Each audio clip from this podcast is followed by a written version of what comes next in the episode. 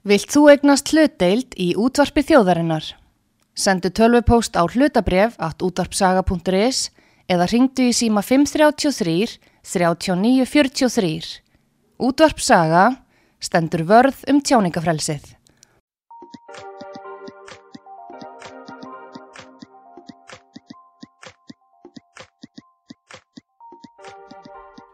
Það er Heilsan Heim sem býður upp á þennan þátt. heilsanheim.is Komið sæl og blessu, kæru hlustendur út við sögu, Sigrun Kjartansdóttir heiti ég og þið eru að hlusta á heilsu þáttin Heilsan Heim. E, með mér í dag er góðu gestur, Friðrik Agni Átnason, velkomin. Takk fyrir það, takk fyrir að bjóða mér.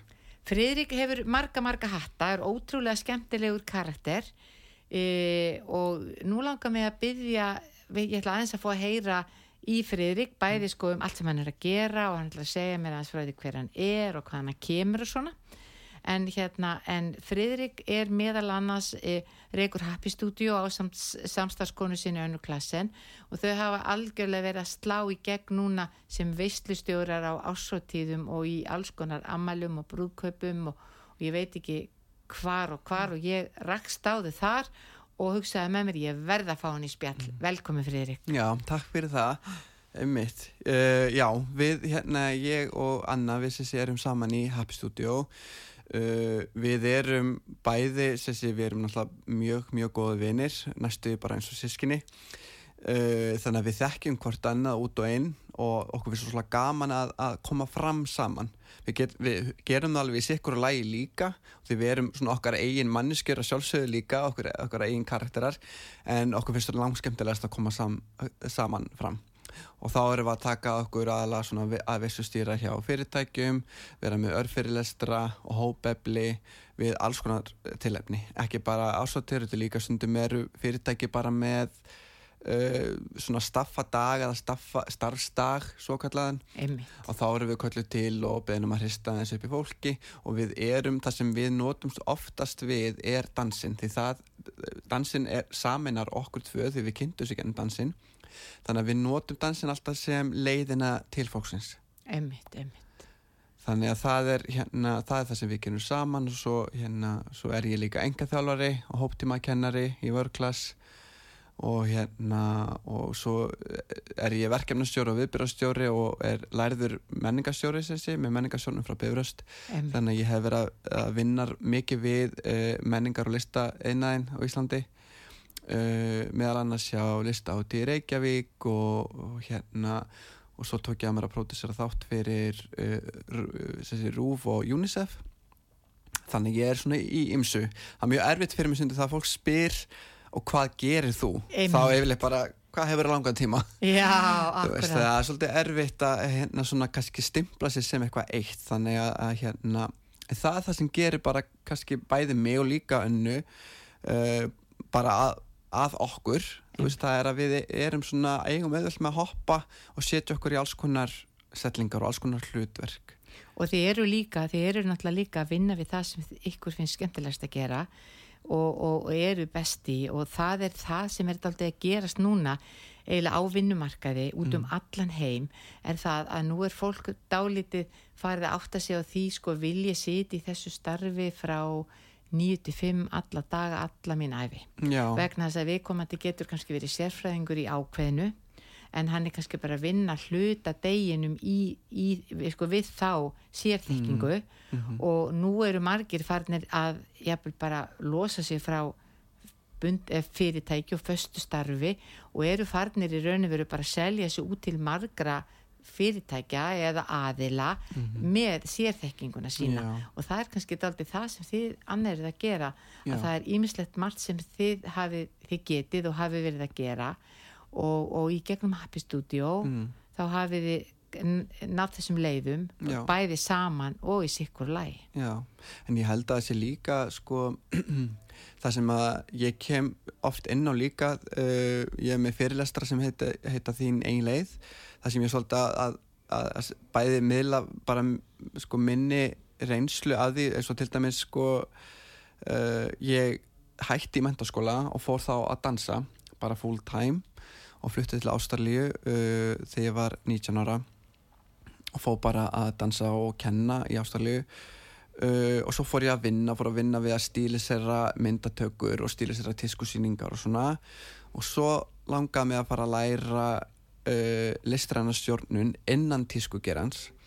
Og þá var ég búin að vinna alveg í þrjú ár í þessu uh, en var ekki búin með sútinspróf og ég hérna sá samt háskóla úti á Ítalju sem var að kenna þetta, þessi listasögu og, og veist, alls konar og þú veist, ljósmyndun, grafíska hönnun allt þetta sem sem listranna sjónun uh, en þetta var bíanám og ég ákvað samt að sagja um með þær einingar sem við hafa búið með í, í mentaskóla og svo bjóð ég til möppu með alls konar meðmælum og alls konar myndum sem, sem, sem síndi mína bara reynslu og þekkingu á því fæi sem ég var að sækja um í sem sé listarinn sjórnun og tísku. Og þau hleyftu mér inn í námið þótti ég væri ekki með stúndinspróf þannig ég fór í þryggja ára bíanám þannig í lista háskóla í Ítalju og svo ennfremur uh, senna, þreymar árum eftir ég var búin að klára það, þá sótti ég um mastersnám hér á Íslandi og komst inn í það og er með masterskráðu þetta er ekkert hefðbundin skólaleið Nei, og, og hérna en ég hafði bara mjög mikla trú að því að ég myndi ná að koma mér á þessa staði sem ég vil, vildi komast á bara með mínum leiðum já, já. með minni leið og það hérna Þinnir einslu og þekkingu þínum bakgrunni sko. já, já, já. og bara þú veist og svona einhvernum ásetningi um bara neð herriðu þetta henda mér ekki bara eins og, eins og þetta var skólakerfi sem ég var í ég var bara þetta henda mér ekki ég er ekki tilbúin í þetta og ég hef bara ekki áhuga Nei. og ég hérna bara fylgdi því eftir og tristi því bara og trúði því að ég myndi bara finna minn stað á Um. öðru vissi hátt Já. og, og það var enginn sem var endilega eitthvað að segja þú veist, flesti voru bara, guð ertu klikkaður skilur þú verður að hafa sútuspróf Já. og ég er ekki beint að segja kannski bara að allir er bara hætt í mentó en mér langar samt að benda það að það eru til aðra leiðir. Em. því stundum liggur bara áhuga sviðið mann uh, aðeins á, á öðrum stöðum. Já.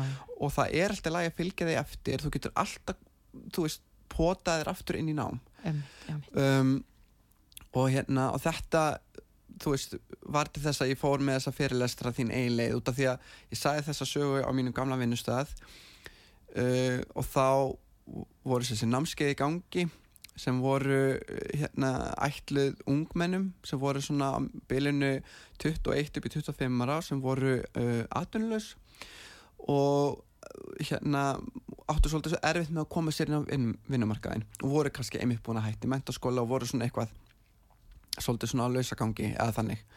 Og, og hérna þannig ég var beðin um að segja veginn svona þessa sögu til þess að, að, að gefa uh, þessu ungu fólki ein, einhverja svona einspýtingu og líka bara pínu svona traust og, og svona eitthvað von um Einmitt. bara já ok, þú veist þetta er kannski svona núna en bara það skiptur svo miklu máli að að, að sko uh, ef þú hefur brennandi áhuga á einhverju og hefur hæfileika í því að þú hafi nóga mikið hugrekki til þess að fylgja því eftir og trúir því bara að bara, nei, þetta er mín leið veist, og ég trúi því að þetta sé leiðin sem ég á að fara og hafur hugrekki til að fylgja það eftir Já, mér stáldi gaman Friðrik að, að sko nú er ég búin að vera að hlusta þig og mér stið þetta frábært og þú notar orðið hugrekki mm. og það er náttúrulega ótrúlega hæf kona Halla Tómasdóttir sem Mhm. var að skrifa bók Mm. sem hún kallar hugrekki já, og þar þegar ég var að hlusta á því tala þá var ég með þetta að hugsa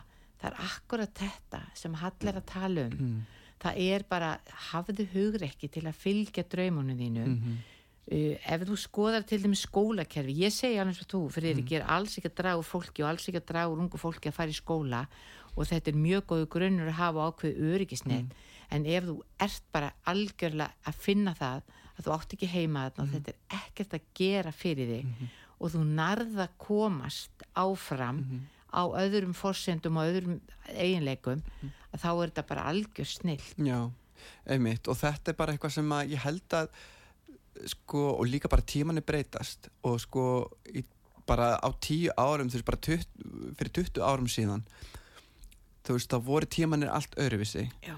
Uh, og hérna, og núna erum við svolítið svo talar um áðan að, að sko fólk er kannski meira líka að skoða bara hvar þú veist, hver eru mín áhugamál? Já. get ég starfað við áhugamáli mitt? Einmitt, ekki bara það sem ég læri kannski og hef sérþekkingu á rétt, í gegnum nám heldur líka bara út af því að svo ertu, það eru margir sem að vinna 9-5 vinnu í starfi sem þau hafa sérþekkingu á og hafa menta sig í.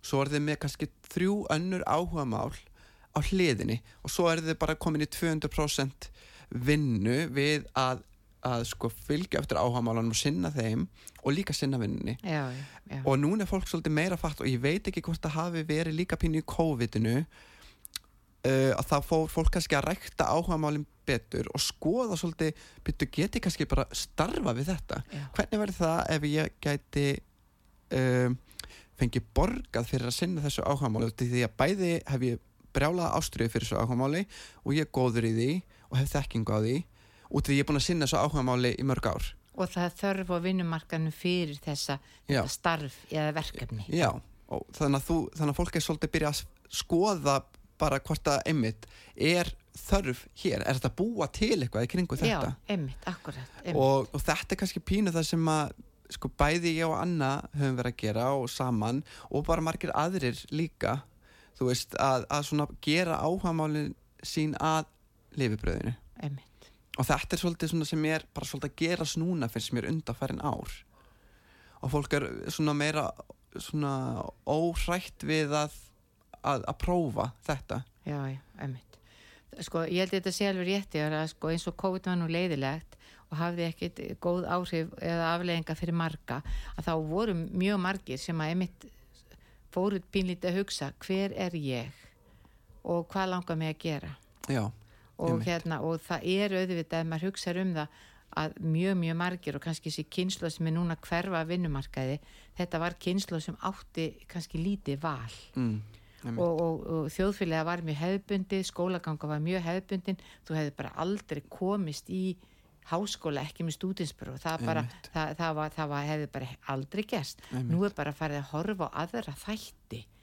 Og, og sem er alveg frábært og líka bara vinnumarkaði einmitt einmitt, bara sem betur fer þú veist, er, er þetta breytast?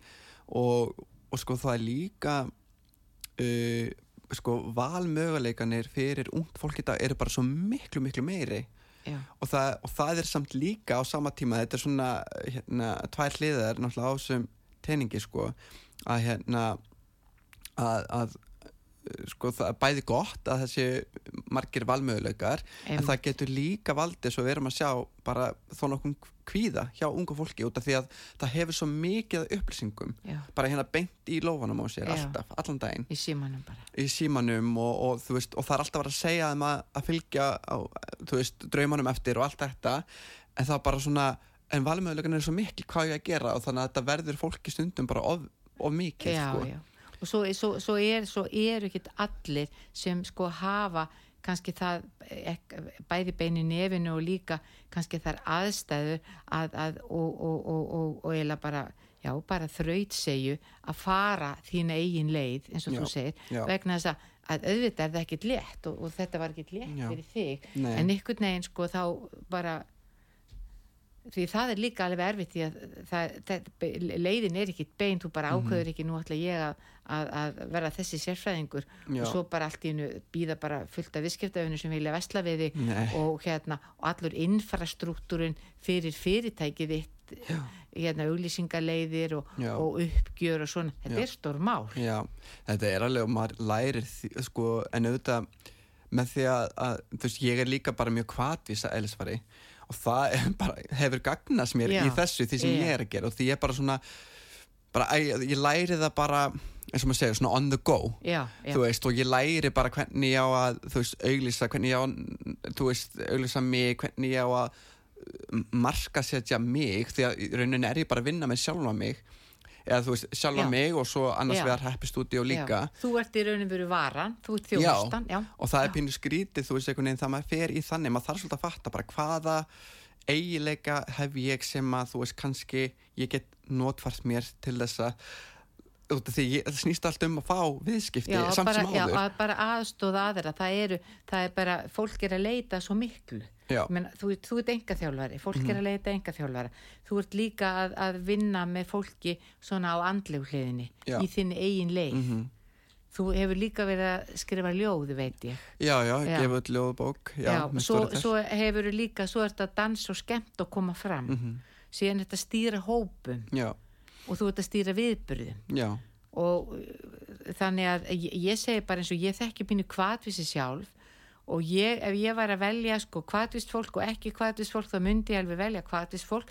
Vegna þess að miklu betra að minka þú veist, ef fólk hefur ómikinn áhuga eða fer og hratt á stað, þá er miklu betra að minka það og beða fólk að hæja á sér já, frekar heldur en að vera með einstakling sem hefur ekki þennan kjark og þetta þór já einmitt. þú ert, þú, það, það er miklu erfiðar að ná því fram. Já, akkurat, einmitt, það er mikið til í því sko. ég hef alltaf sagt að pínu lítið það er miklu betra að minka þú Já, veist ef að fólk já. hefur þessu þörf fyrir mikla aðtegli og, og er duglegt frekar heldur en þegar fólk er mikið tilbaka og fyrir ekki að ég er til og Mm. ég get nú öruglega ekki tala, ég get nú öruglega ekki þetta.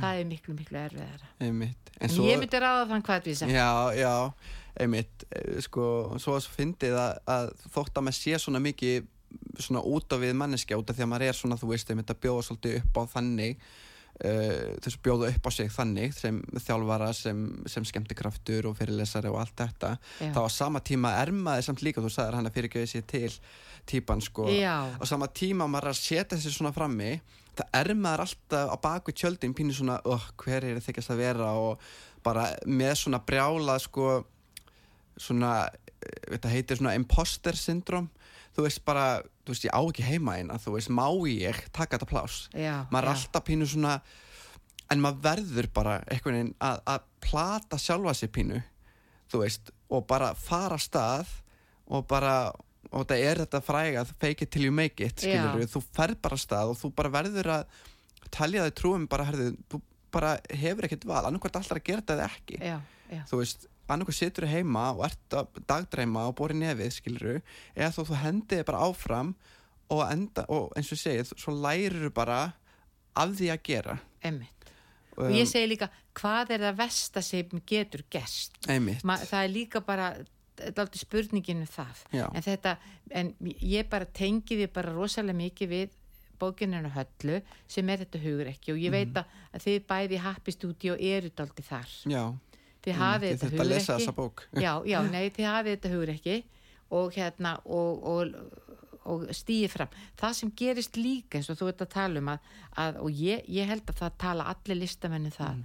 og, og þeir sem eru að tala og koma fram til það eru allir, það fá allir svona það eru allir með þennan smá kvíða Mm. þeir eru að fara alltaf fyrirlestur þeir eru að fara að stýra rástefnu þeir eru að Mm. fara að sína að það, eru, það er alltaf þessi kvíði og margir segja að ef hann er ekki Mm. að þá er maður kannski ekki að gera nógu vel já, að við erum, það er allir að reyna að bæta sig og gera betra og, og, og, og, og Mhm. svo er líka eitt sem er líka pínu erfitt í þessum bransa Mm. og það er að þegar þú stígur fram og, tekur eitthvað aður og gerir að þá, þá er maður alltaf að gefa veiðilega á sig jú, jú, einmitt. Og, og, og, og, þá er nú bara spurningin um sko að því svo er svo mikið að svona leiðinlegu fólki svega sem að er fólki sem situr í sofunum og borar nefni Já. og þorir ekki gera. Og þá gæti það, þá er það Friðrik hvað heldur að neila hann sé? Já, já, og þá einmitt. byrjar þetta. Já. og þetta er, þetta er fólki sem í raun og veru sem er stundum að brjóta þá niður sem stiga fram og, þor og gera og geta og er að hjálpa og góðar fyrirmyndi fyrir unga fólkið okkar Einmitt. þannig að þú veist, maður má bara ekki hlusta það Nei. þetta snýst ekki um, um okkur Nei. þetta snýst um það Einmitt. þegar þeir fari í þennan gýr einmitt og það snýst um einmitt, og, og sko ástæðan fyrir maður gerir uh, sko það sem maður er að gera það er út af því að það snýst um uh, mannleg tengsl og, og hérna og einhvern veginn að ná að, að sko vera til staðar fyrir annað fólk uh, veita öðru fólki einhverja innspýtingu á einn eða annan hátt. Hvort sem að sé bara með því að, að sína og gefa fólki eitthvað til að þú veist, dástáði eða hlæja að eða eitthvað, eða þá ebla fólk til að til, til að hérna uh, taka þátt í einhverju eins og þegar við fáum fólk í danshópefli. Þú veist, þetta snýst um þetta að draga fram einhvers konar hughrif eða tilfinningu eða uh, kjark í öðru fólki. Þannig að þetta snýst um þessa tengingu við annað fólk, allt sem að Já, allt sem að ég er að gera. Og líka skrifin, það tengist líka að, að vekja upp ykkur hughrif. Já, hafa áhrif. Hafa áhrif á Já, annað fólk. já, þetta já. snýst um það fyrir mér og ég veit líka fyrir önnu þetta snýst um einhvern veginn manni finnst eins og maður hafi einhvað að gefa. Og maður, og maður finnur það bara. Ok, hér er ég góður. Og, og þú veist og það tekur sundur bara pínu tíma fyrir mann að fatta bara ég er góður hér, auðvitað á ég að vera sem mest hér. Já, því, út af því að greinilega sko uh, eins og með dansin að kenna dans, þar finn ég bara og hér, hér virðist fólk vera einhvern veginn að að einmitt. Þannig ég ætla að vera eins mikið og ég get hérna. Og það, og það sem ég er að skrifa ok, fólk er að tengja við það, ok, ég ætla að halda því áfram. Þannig að þú veist, maður þarf svolítið svona bara ef maður uppgötur ekki þetta nema maður prófi. Algjörlega, algjörlega, algjörlega. Algjörlega, ekki spurning. En það er nefnilega hérna, mér finnst, mér finnst þetta það sem þú ert að tala um að ég bara ég get svo mikið einmitt, sko, að því að nú eru við að tala um sko mér langar bara að tengja ykkur daldið við hana höllu vegna þess að sko ef við, við horfum að svo hana hún var að gefa út bókina þarna hugur ekki til að hafa áhrif. Og það var þetta orð til að hafa áhrif sem þú varst að nota á þann sem ég var að leita að núna að, að það er akkurat það sem þú ert að gera. Mm -hmm. og þið eru að gera, þið hafið hugur ekki til að hafa áhrif á fólk til góðs. Já, einmitt.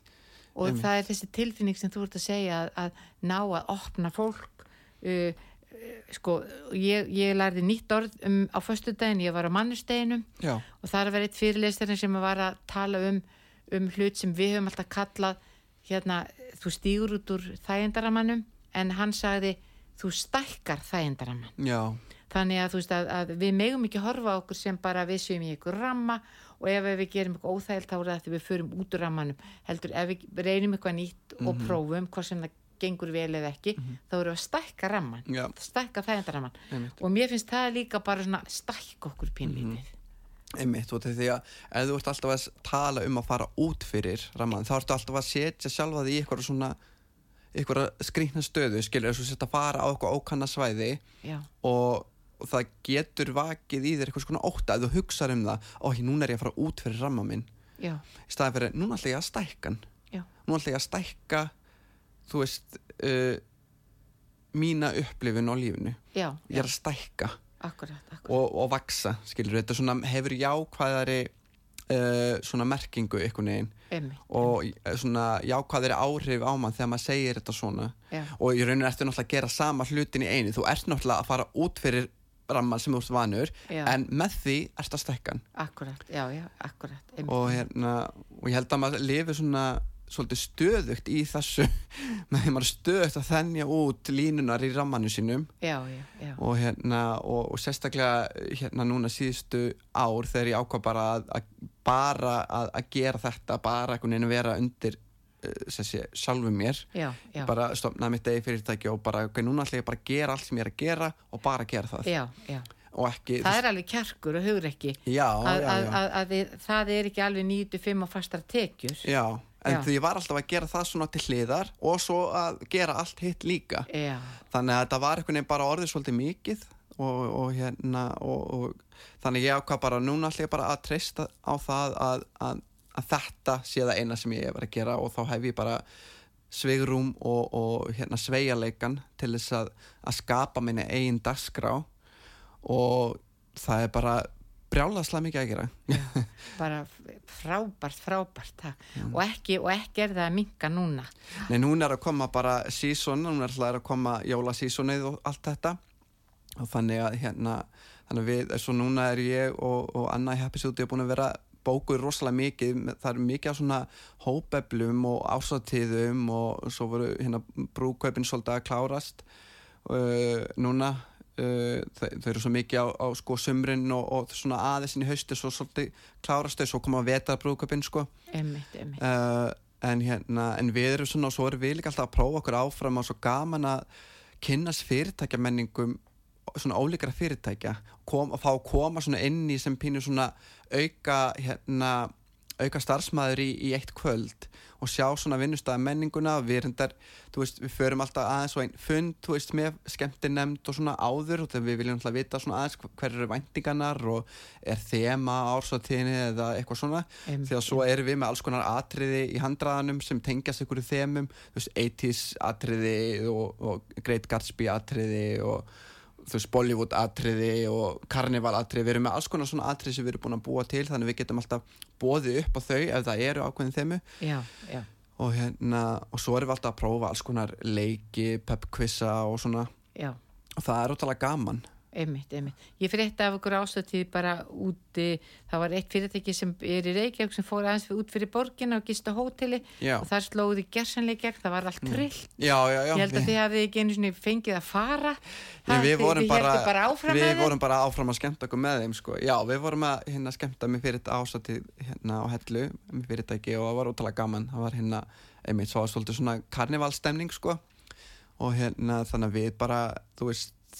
skemmtum okkur þvílitt vel sko. Einmitt, einmitt. ótrúlega gaman og, og hérna allir voru glaðir og svo gaman það maður nær líka einhvern veginn að uh, út af því að allt sem að við erum að gera í Happy Studio snýst náttúrulega um það er í nafninu Happy Já, gleði. já, þú veist við viljum bara búa til gleði með fólki. Einmitt, og, einmitt. og eins og ég sagði áðan þú veist og við notum alltaf dansinn sem okkar leið út af því að það er mjög erfitt að sko tengja ekki gleði við dans. Eða sko þú getur eiginlega ekki verið með tónlist og dans og verið í fílu Nei, ég er ekki alveg að sjá það. þú veist, það er einhvern veginn, þú veist jújú, jú, menna, ef þú ert í fílu út í horni það allir er að dansa og skemmta sér, það, þá er það bara frekar eitthvað sem þú þarf að eiga við þig, sko Já, já, já, já. um, og hérna og, en þú veist, eins og í þessu tilfelli núna síðustu helgi, þá var einhvern veginn bara allir ógeðslega mikið með já, og það er svo gaman það maður nær þannig stemningu já.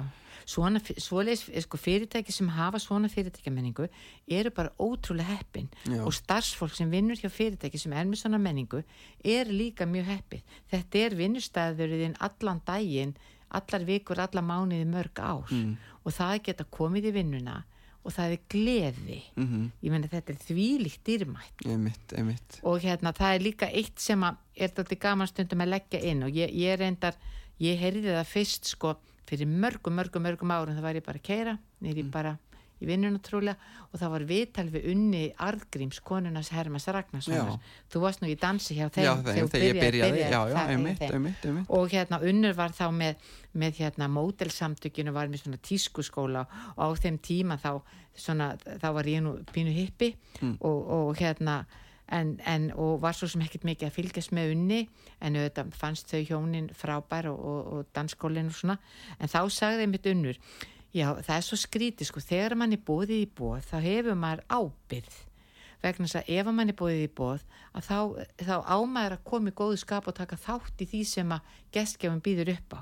Þú ferð ekki í bóð og þú ert bara fúll á mótið í fílu mm, og einhvern veginn, hvernig hún sagði þetta þetta situr svo mikið í mér. Mm, og, og auðvitað ef þú sjálfur að halda bóð og svo býður í gestum og, og svo eru einhverju sem vil, nenn ekki að vera og eru bara leiðinlega það er ekki gaman. Nei, Ha? einmitt, einmitt einmitt, þetta er mjög góða punktur, sko.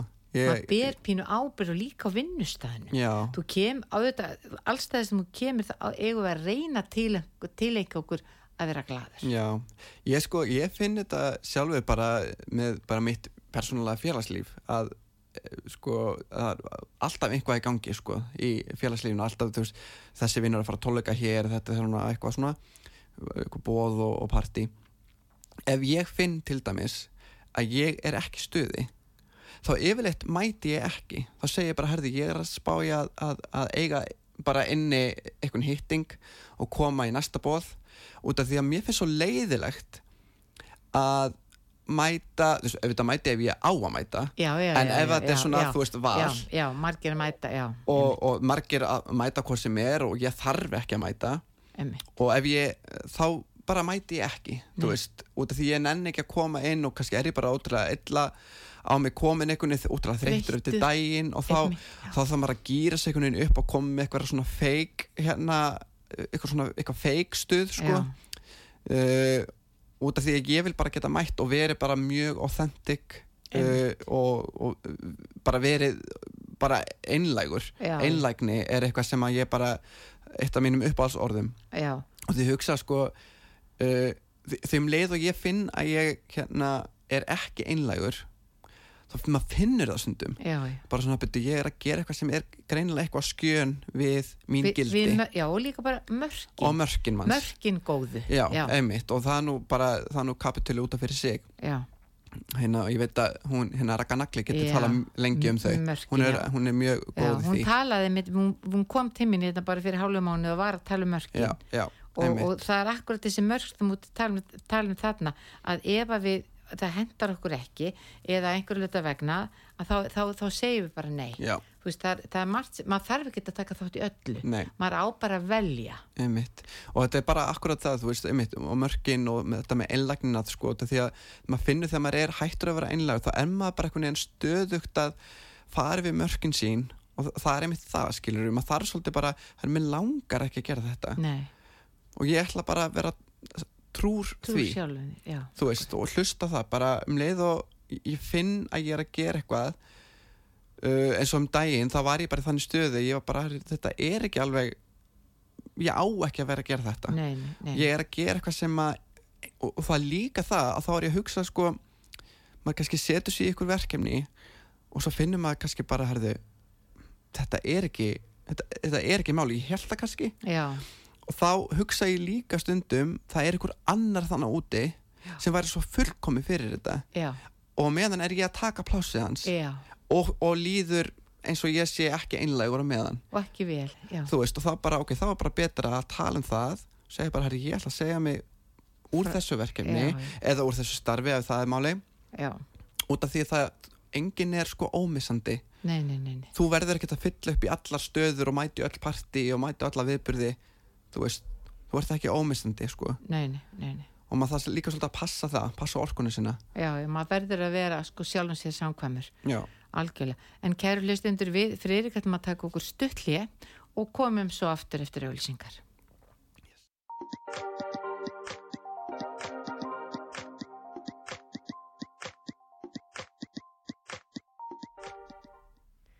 Komið í sæl aftur, kæru hlustendur, Sigrún heiti ég og þið eru að hlusta á heilsuþáttin Heilsan heim.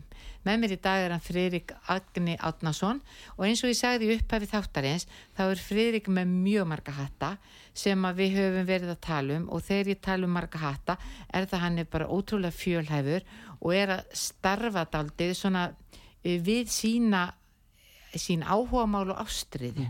Friðrik. já, jú, það er má segja það, þannig sko Einmitt. algjörlega um, og hérna Við töluðum aðeins um sko í upphafi að sko það, það er ótrúlega margt sem að þú ert að eiga við ásand því að starfi Happy Studio en, en þú hefur verið að halda fyrirlestra og ég veit að þú hefur verið með mjög áhugaverða fyrirlestra sem tengjast, nú segir þú okkur frá því. Já, uh, ég mitt út að tala um mannustægin Já. áðan og þá var mér bóðið að taka þátt í erindi fyrir tveimur árum á mannustæginum í Hörpu sem uh, sneri svona að mestu leiti um svona jafnrétti eða ójafnrétti á, á, á, á vinnustöðum eða í atvinnulífinu. Og þar var ég með li- litla svona hugveiki um sem sé svona ómeðvita hlutrækni það kemur að uh, ferilskrám og, og sem sé ráningaferlinu sjálfu. Og talaði bara út frá eigin reynslu. Uh, ég sem sé er uh, er þeir náttúrulega sjáum ekki en ég sem sé er dökkur á hörund sem sé en, en fættur á Íslandi, fættur uppalinn hér og ber íslenskt nafn, mjög íslenskt nafn Ert íslenskur? Já. Ert þessi íslenskur og hægt er þannig lag? Já, já, já, og bara en, en, hérna, en ástæðan fyrir að ég er dökkur er þegar mamma mér fætti sinns var á Indlandi og er ætla að tinga þannig að hún er í rauninni líka íslensk Já, já, en, já, en auðvitað fætti svona á Indlandi þannig að hérna en allavega og ég bjó á, á tíma um tíma í Stokkólmi og ég átti þar uh, vinkonu sem er bara sænsk en, en fóreldrar hennar komið frá Íran. En hún er fætt bara á, í, í Svíþjóð. Og við þekktumst frá hérna, listaháskólanáminu í Ítalíu.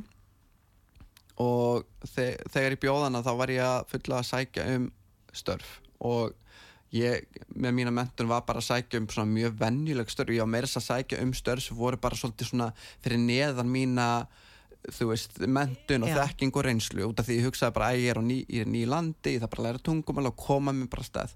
Þannig ég sótti um alls konar og ég bara fekk aldrei svör, bara ekki neitt. Nei. og ég er búin að senda kannski svona 30 umsóknir.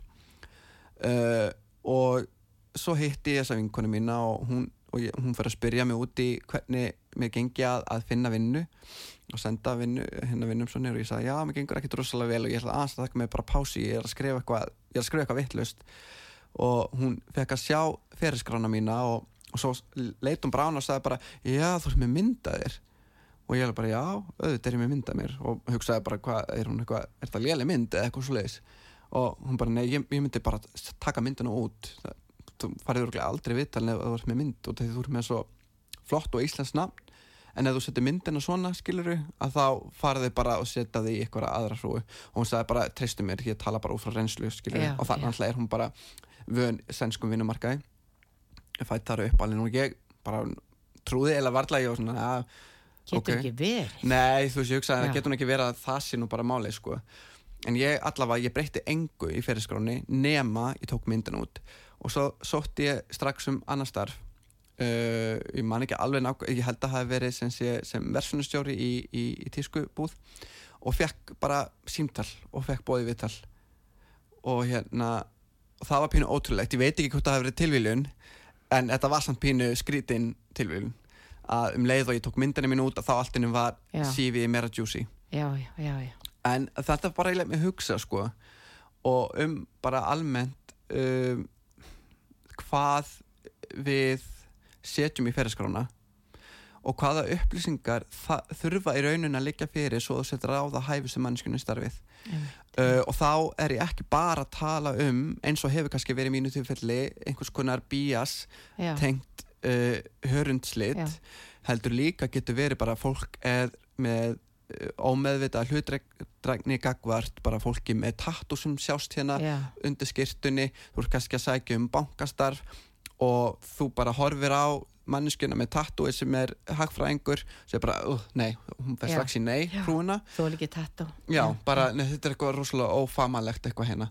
Og, og, og þú veist, það getur verið aldur, það getur verið bólur, það getur, það getur verið svo mikið. Já, það getur verið til dæmis bara líkamsþyngd, e ef við komendur á þungur eða léttur, stór lítill, þegar um leið og þú ert komið með, þú ert, þú ert náttúrulega, ert sem manneska sem ert að ráða í starf, þá ertu með, ok, ég þarf að ráða í þetta starf. Um leið og þú ert búin að sjá starfið fyrir þér, þá ertu um leið búin að búa til ímynd af starfsmanninu sem þú Já. vilt finna. em, og þú ert með hana einhver starf hérna í hausnum og svo ferði gegnum umsóknunar og þú siktar bara automatist út allt það sem að gengur ekki upp í ímyndina sem þú já, hefur Já, bara þetta er oft myndin, þetta er Já. oft, oft, sko, fyrst og fremst oft myndin. já, Það sem er að gerast núna og fyrir, fyrir sem er bara mjög ánægilegt er það að núna fyrirtæki er bara ráðningadeild, eða bæði ráðningar fyrirtæki og þeir sem ráða núna að það er mjög mikið verið að tala um þetta mm. og einmitt Sólið Tómasdóttir sem var einmitt að vinna með þér, að það mann í steinum þegar þið voru að tala um þetta að, að, að hérna að hún hefur mikið einmitt predika þetta. Nú eru fyrirtæki e, að ég, ég sko í bandaríkjum til þeim sá er, er það bara það, þú, þú þarft ekki að setja kennitöluna þína. Mm bara kennitalan, ungur gamall Já. skiptir máli. Já, og svo líka bara myndin því að þeir sem er að ráða búst, maður er með hlutrækni maður, Mhm. maður þykist ekkert vera með það en svo bara, ó, ég, bara ég þólgir eða þetta fólk. Já, það þarf ekki verið að bara, hérna áður fyrir var bara kannski fólk með gleru voru kannar glerugna gláma já, já, já, einmitt. Núna er það og til dæmis með tilkomi gerfigreindar að nú eru mörg sko svona bara kerfi já, sem að þú, þú, þú, þú, syns, ef þú sækir um vinnu þá bara slarðu inn upplýsingarnar í kerfi og, og hérna og þá les kerfið í raun og veru út Þú veist, hafnina sem þarf í starfi Já. en ekki hvort viðkomandi ljósarður eða dökkarður skiptir það máli? Já, Nei, það nei. er hafnin já og reynslan og þekkingin sko. einmitt og það er einmitt bara, þú veist, það bæði þú veist, hæmnin og þá er það, þú veist, men, mentunin og reynslan, en svo er það líka bara svo fyrir tiltekna stöður það manneski er að sækja um þá þessu fylgir svona kynningabref og, og það er oft þetta, það er hérna sölu brefi Já, sem já. að selur raunin, þú veist, þar sérðu bara ástriðuna og, og, og viljan til að sinna þessu starfi sem umræðir Einmitt. og það er það sem skiptir mestu máli já, já, og, já. og, hérna, og það er mér svo leiðilegt að hugsa til þess að til dæmis svo segjum bara sem svo að þú ert hérna að ráða í stafræna markastildi eitthvað svona þá automatisk kannski sérðu fyrir þér þú veist þá vera að sjá um, um samfélagsmiðla eitthvað svona nýjungar á, í, í markas og tæknimálum og eitthvað svona þá sérðu fyrir þér eitthvað svona 23 ára hip og cool sem er með TikTok og kann þetta og kann þetta kann alla hérna þú veist tölurnar varandi þú veist hérna optimization, Google Analytics og allt þetta sko eitthvað svona þannig. En svo kannski er eitthvað sem er 62 ára, segjum það bara eitthvað búin að vinna í markasmálum alla sína starfsæfi og er alltaf með puttan á púlsunum um hvað er Já. nýtt og bara umgengst mikið á ungu fólki veit hvað er gangi, er bara með TikTok líka og bara fylgist Já. með þessu öllu og hefur brjálaðan áhuga á hvernig markasviði breytist. Uh, og þessi manneskja sækir um og svo 23 ára manneskjan. En þú veist, hinn manneskjan bara setta eitthvað til hliðara bara fer er bara í ykkur gamlingi já, fer bara í bunkan sko. þú veist, og þetta er þú veist, og ég veit ekki, ég meina, þú veist, auðvitað núna með og segir, þá kannski við að vera að meta meira, þú veist, það bara sikt út bara ok, þá er kannski vera meira svolítið að sikta út hvað lærði manneskjan. Já, það er verið að síkt út, síkt út ákveðin og sko því nú er spurningi hvernig virkar gerfigrindi og Já. þá hangir það líka því hvernig þú skráir inn. Hvernig þú skráir það inn, já, já. þá er verið að síkt út ákveðin orð og svo segi ég líka nú er til dæmis mikið verið að, að, að byggjum fólk með sko frumkvæði og fólk sem er tilbúið að stíga út úr bóksinu og sjá hlutina á nýjan hátt skiptir fyrirtæki greiðlega miklu máli að, að starfsmennin sé ekki alltaf bara að vinna í sömu átt eða bara eftir sömulega fyrirtæki far því að breytingarnir eru svo mikla þú verður að hafa fólk sem er pínlítið kvatvist ha, sem bara sér hlutina og er til í að prófa og vill prófa og, Mhm. og, og hérna.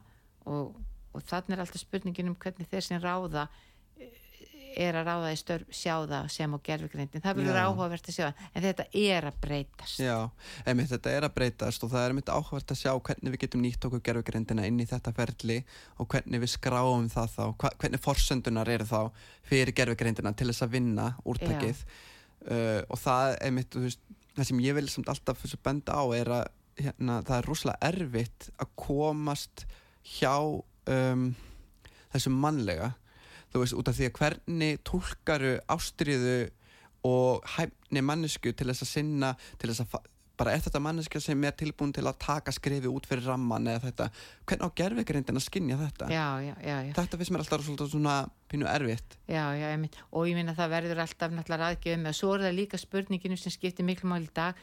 Sko hérna e, það skiptir miklu máli að vera með í teimi fólk sem segir sannleikan sem að bendir á þegar að hlutinir eru ekki eins og þeir eiga að vera eða telur það. Og svo hinn sem er, þú veist, þannig að, að það skiptir máli að við séum ekki með ein, of einsleitt teimi og svona jáfólk. Einmitt, og ef að stjórnandin er þannig að, að það þorir enginn að segja eða gera neitt af því að hann dregst illa við, það er ekki gott Einmitt. sko. og einmitt og svo saðir hann svona einsleitt sko og, og þessi hugvekja og þessi fyrirlestur um bara þessa hlutrækni og, og svo ómeðvitu hlutrækni sem við erum oft með uh, það veldu því einmitt að stundum ertu kannski með vinnusta áns að fatta sem er rosalega einsleitur hópur já, já, og þá Mjög. er líka bara hætta á að, að starfið sem að fyrirtæki er að sinna bara staðni já, út af þú ert automat, eða þessu óvart jafnvel, ekki að ráða inn þá ströyma sem fyrirtæki þarnast til þess að halda áfram inn í framtíðina já, já, menna þetta er bara spurningin um það brjálu samkeppni Já. og það er ekkert sem fer að stað í heiminu með Íslandi að sé ekki, þú byrjar kannski einn og svo er, ertu bara komið tíu og þá er bara spurningin hver lifir af Já. og þarna skiptir máli að hafa emitt fólk sem að hérna horfir, eh, hérna, hefur frumkvæði veist, er að spá og spekulera og horfa, Mhm. ekki bara gera hlutin eins og þeir hafi verið gerði í 200 ár Mm. eins og lengi vel var hægt að gera. Já. þegar við vorum bara hérna í innbyltinguna vorum með vélar og ferla þá, þá máttu nú helst bara ekkit heyrast í fólki að sjást. Já, nú er þetta bara, er bara fólki orðið aðalatrið já, einmitt, einmitt. Þannig að allt sem þú ert að vinna með Friðrik e, skiptir greiðlega miklu máli. Já, þú ég vona bara, það. nei, fyrirlestratnir þjálfunin, gleðin. Mm. þannig að það, það, það skiptir mjög Mm. miklu máli.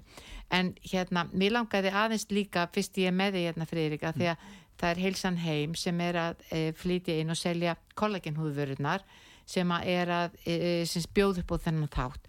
Og ég ætlaði aðeins svona í lok þáttar eins að, eins, eins að tala um þær vörur, það er mjög langt síðan ég hef talað um þær, að því að ég veit að þú nefnilega hefur verið að nota þessar vörur. Já, það er Ég að segja, já, ég hef notað uh, kreminn og, og hérna og úðan til dæmis og, og hérna og gilda hérna kollagen. Það er svona spari. Já, spari og maska líka og dagsmaska. Já, þannig að ég hef alveg reynslu af, og ég hef mjög gaman af húð Og þú hef- nefnilega hugsar mjög vel um þig. Ég Já. hef gert það bara, ég hef lærið þetta mömmu minni. Bara sem bara einhvern veginn og, og hérna alveg frá því ég var úlingur hef ég bara verið með áhuga á þessu. Já, bara raunverulegan áhuga og þetta er bara svona heilug stund fyrir mér uh, á morgnana er að bara næra veist, húð og, og hú, húðina inn í daginn. Já, já, akkurat, akkurat þannig að hérna, já, þannig að ég einhvern veginn hef alveg lengi talað um húð umhyrðu og sérstaklega bara, mér finnst líka pínu vant að, að karlmenn tali um það og Já. séu óhrættir við það sem betur fyrir að það að breytast mikið Já, það er að breytast mikið vegna að, að, að, að það, þetta er líka spurninginu það að, að manni bara líður betur ef að maður, ma, maður, maður bara sérstaklega Íslandi í öllum kuldanum og Já. veðrið er alltaf að breytast þá Einmitt. bara verður húðin ótrúlega þurr og okkur líður bara betur ef við hugsun vel um hana ef við nærum hana eins og þú segir berum á hana góð krem.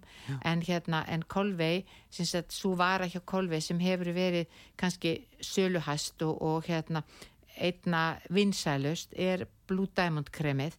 Nú, nú, nú segi oft það er um, sko, að því að það eru allar svo góða vörurnar að erum með fleiri dagkrem.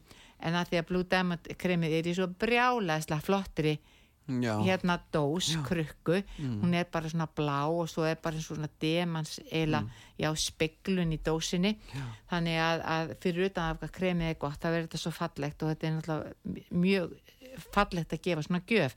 En ég segi oft að sko að viðskiptavinnirnir eru raun og veru sko að, að, að að það að hafa viðskiptavinni sem mæla með vörunni, það segir allt um vöruna. Það er eiginlega besti vittnisspurðurinn er frá viðskiptavinnunum. Og þú ert að nota vöruna og Herabjörg líka einmitt, og Helga einmitt. Möller. já, Þetta er alltaf gaman Já. að þetta eru svona Hera og Helga hafa aðeins verið að vinna með okkur, hafa nota vörurnar og Mhm. vilja ekkert nota annað og hafa notað hana alveg bara í 8-10 ár já, einmitt, einmitt og það er í raunum veru sko ef ég, ef ég fer bara aðeins hérna yfir vörurnar að þá er sem sagt Blue Diamond kremið, við erum með tvö rakakrem, við erum með Blue Diamond kremið og síðan erum við með e, krem sem heitir Atello gullkrem e, það er kremið, það er aðeins léttara fyrir þú hefur líka prófað það. Já, já, þau eru eiginlega mismunandi. Ég syns að Atello gullkremið það er léttara. Mhm. e, Blue Diamond kremið það er eiginlega meiri raki og meiri næring í því. Mm. þú getur notað það að, að það er svona 24 tíma krem en ég veit um þetta að þú hefur notað þau bæði og þið líkar vel við þau bæði sko. já, bara eins og hérna dagkremið og sérstaklega eins og talar um áðan eins og hér og og sérstaklega núna við erum að fara stígin í tímabilið það sem er bara orðið rosalega þurft og kalt í hana Já. og þá er svo ótrúlega, maður finnur svo mikið mun ef maður gleymir, gerir sem dreil aldrei hjá mér að gleyma að bera með krem en hérna þessi betur fyrr en, en hérna út af því að húðin verð ég tek eftir þessu með, hérna, með manni minn sko, því að hann verður svo þurr í framann, Já. því að hann er bara bara mínus að hugsa um sko, Já, þetta og mikill útivistamann já, mjög já. mikið út að ganga á fjöllum Já. og svona þannig ég er alltaf að reyna að brýna fyrir honum að, að, að passa, passa þetta sko Já. þannig að einmitt þetta dagkrem, Blue Diamond dagkremið það er ótrúlega gott bara fyrir þú berða bara á þú veist, ég reyndar notaði líka sundum á kvöldin Já, það er alveg 24 Þú veist, að þetta hérna- er bæði dag og nætukrem nefnilega og þegar maður finnir á vetuna það stundum bara er- verður húðin mín rosalega þurr Já. Ef ég er búin að vera mikið úti að gera eitthvað sko og svo ertu náttúrulega líka mikið í raktinni og Já. þá er maður líka mikið í sturtu já, Og svit- styrstu og svitnar svitna líka, aftur og sko, já. aftur sko Já, þannig að, hérna, þannig að maður þarf að passa að vökva sér náttúrulega líka bara að drekka nóg og að hugsa um húðina já en einmitt. mér finnst einmitt sko talandi um bara svo kallmenn að þá, þú veist, er maður samt að sjá meira og meira og því ég er svo mikið í rektinni já, að þá eru strákar miklu meira farin að bera á sig, þú veist, svona krem að teku bara eftir. Já, þannig að hérna, ég mæli með allir næli sér í gott Blue Diamond dagkrem og e, inn í veturinn. En það er, en það er mjög áhugavert að, að vita það. En það sem að, það sem að kolvi er líka þeir eru mjög þekktir fyrir og það er líka vara sem selst greiðilega mikið. Það eru kollagengelin sem eh, sem lengi vel var bara eitt gel til og það hétt platinum. Og það var bara sem sagt, 100% reynd kollagengel sem var og, og alla vörurnar frá kolvi eru unnar úr bara hágeða hráefnum. En hérna nú eru komin í raun og veru sko fleiri tegundir af þar að sé kollagengelin og þá eru við að tala um í raun og veru það sem margir kalla serum. Þá er þetta raun og veru bara kollageni sjálft. Þetta er bara svipa eins og þú tækir fiskiróðið og bærir það á andlitið það er búið að vinna þau þetta aðeins. En það er til dæmis gullspírallin sem þú talaðir um. Já. og það er alltaf gaman að, að, hérna, að, að það er í raun og veru nákvæmlega sama kollagen í, í, í því í, í atel og gull hérna, hérna kollagenvörunni en sagt, það er örlítið að búið að setja örlítið svona gullprótein inn í kollageni og þú talaðir einmitt um það einhvern tíma friki að þegar þú settir það á því þá fyndist þér, þú, þú sagðir ég notaði pínu spari. Já, það er svona sparið því að hérna, eins og maður að fara eitthvað þú veist, bara fínt eh, komin í skirtuna og svona þá er þetta svona, maður ber þetta á sig þá kemur svona smá, eins og maður sé svona ekstra sólbrún eða svona Já. pínu bronsaður. Emmitt, og emmitt gefa manni svona flott á kvöldin ef maður fer í þannig hérna byrtu líka eða þannig, maður er kannski að fara að veitingastæður oft svona kertaljósa stemning sko, og þá kemur þetta rosalega vel út. Já, akkurat, en það er eins og ég segi ég syns aðtil og gull kollagenið að það er örlítill ilmur í því mjög lítill, hvað finnur af alla og svo er syns þetta, þetta próten sem að býr til svona smá svona hraustleika. Mm. og síðan vorum við að fá sagt nýtt kollagen gel sem er í Blue Diamond línunni sem er líka rosalega gott. Og, og við erum að, að, sagt að, að bjóða núna tilbóð og þá hugsa ég nú ætla ég bara eins að tala til kallmannana sem að þurfa að fara að hugsa um í jólagjöfinni handa konunni að það er við erum með frábært tilbóð sem er, er, er sem sagt eh, hvít snirtitaska með Blue Diamond kreminu og þessu Diamond Collagen geli og aukkreminu og aukkremið hefur einmitt verið eitt af því sem hefur verið langmest selt af. Og það er núna það komið í nýjar umbúðir, þú að prófa það fyrir Erik því að Já. síðastu hún notar það. það. það varstu með gömlu umbúðirna Já, það gengur ekki. Ég var að upp, upp, uppgreita Já, þannig að hérna að bara, emi þeir, þeir kallmenn sem eru að hlusta á, á okkur núna að þá bendi ég á þetta frábæra tilbóð þú ert að kaupa þarna þrjár vörur og töskuna og þú ert í raun að vera að fá sko aukrimi frýtt, aukrimi kostar hér við 7000 krónur eitt og sér þannig þetta er mikill kaupauki.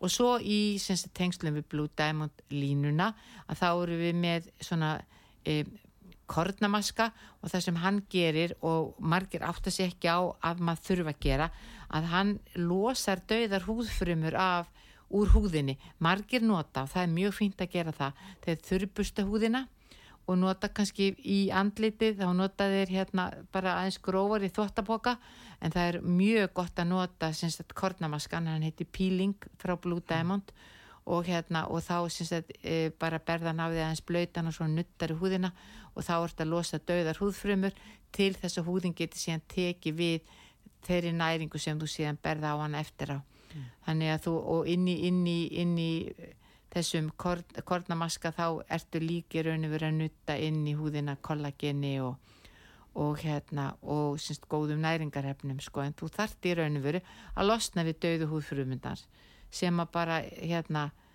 sem að þú ert aldrei sem er að því að þú ert út í allir menguninni og þú ert að borða mat sem er með einhverjum eiturefnum og, og allt saman þannig að það skiptir máli. Svo er, svo er líka eitt sem að ég veit fyrir Erik að, að, að þú hefur, hefur notað og það er hérna andlisvatni, andlisspray.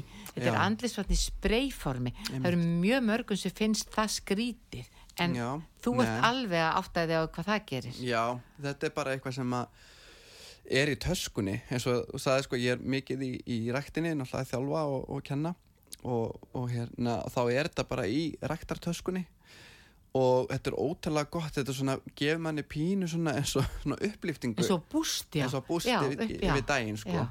Þannig að þú svona grípir að svona, þetta er svona, svona miðdægur svona búst að fá smá svona ferskleika aftur. Því að þú missir alltaf þú ert kannski búin að vera með þetta svitna og ert búin að vera útrétta og vinna og gera eitthvað þá er þetta mjög gott svona til að endur andliti Þetta- er hérna þetta er í raun og veru sko fyrir utan það að vera andlisvátt sem lokar pínu húðinni sem sagt svona þegar þú ert búin að bera á hana og, og, og reyns hana að þá er frábært að hafa þetta bara með sér í töskunni við daginn og svo ertu bara situr í vinnun og er treytur að þá bara úðar þessu yfir andliti á þér og þú getur alveg úðað þessu yfir farða Já. farðin legur ekki Já, niður einmitt. og þú finnur bara einhvern veginn hvernig þetta er eiginlega svo orkubúst þetta er bara einhvern veginn Mm. hvernig, orkan einhvern veginn í kroppnum já, Já, og svona í kringum andlitið og, og vitin hérna ekst. Mm. einmitt. Þannig að það eru mjög margir sem að átta sig ekki alveg og þessu eru daldi lastir í þessu gömlu gamla andlisvættin sem þú þarfst að bera á þig með bómulnum. Með Sko. bá, já, já, já, Nei, Já. þetta er ótrúlega þægilegt að gera þetta Já. svona sko.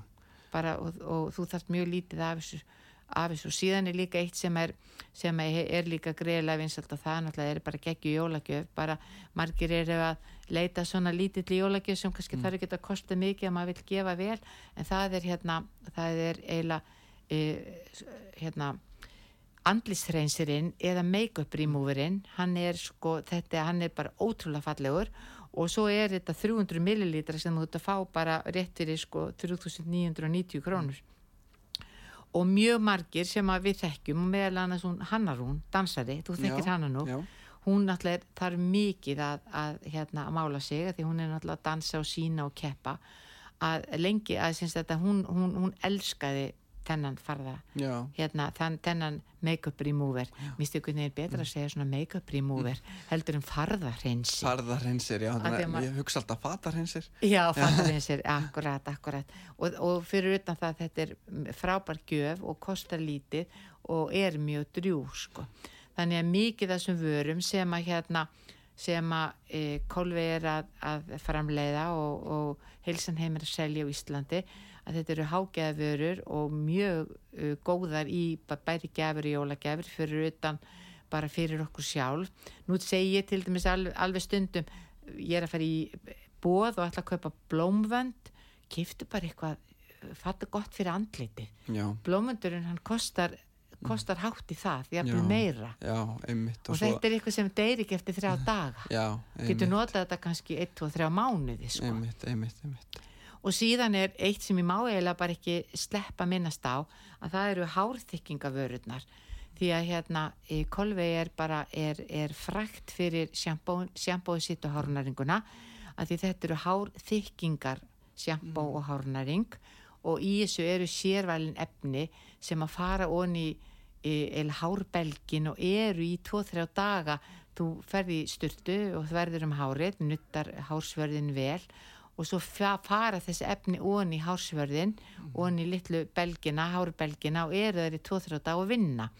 Og það eru mjög, mjög margir sem byrja að nota þess að vöru sem að bara kaupa hana aftur og aftur og aftur og kaupa ekkert annað. Og þú þarf mjög lítið af henni. Já, já, sniðut. Já, og hérna bara elska þess að vörur en, en mér langaði bara svona rétti restina líka fyrir Erika því að, að hérna, ég ætlaði að tala um, um kollegin húðvörundar sem helsan heim er að selja að spurja þig aðeins út í þetta því að, að því að það er líka bara gaman að hérna, að því þú lítur svo vel út og hugsa svo vel um sjálfa þig og, og, og ert meðal annars að nota þess að vörur.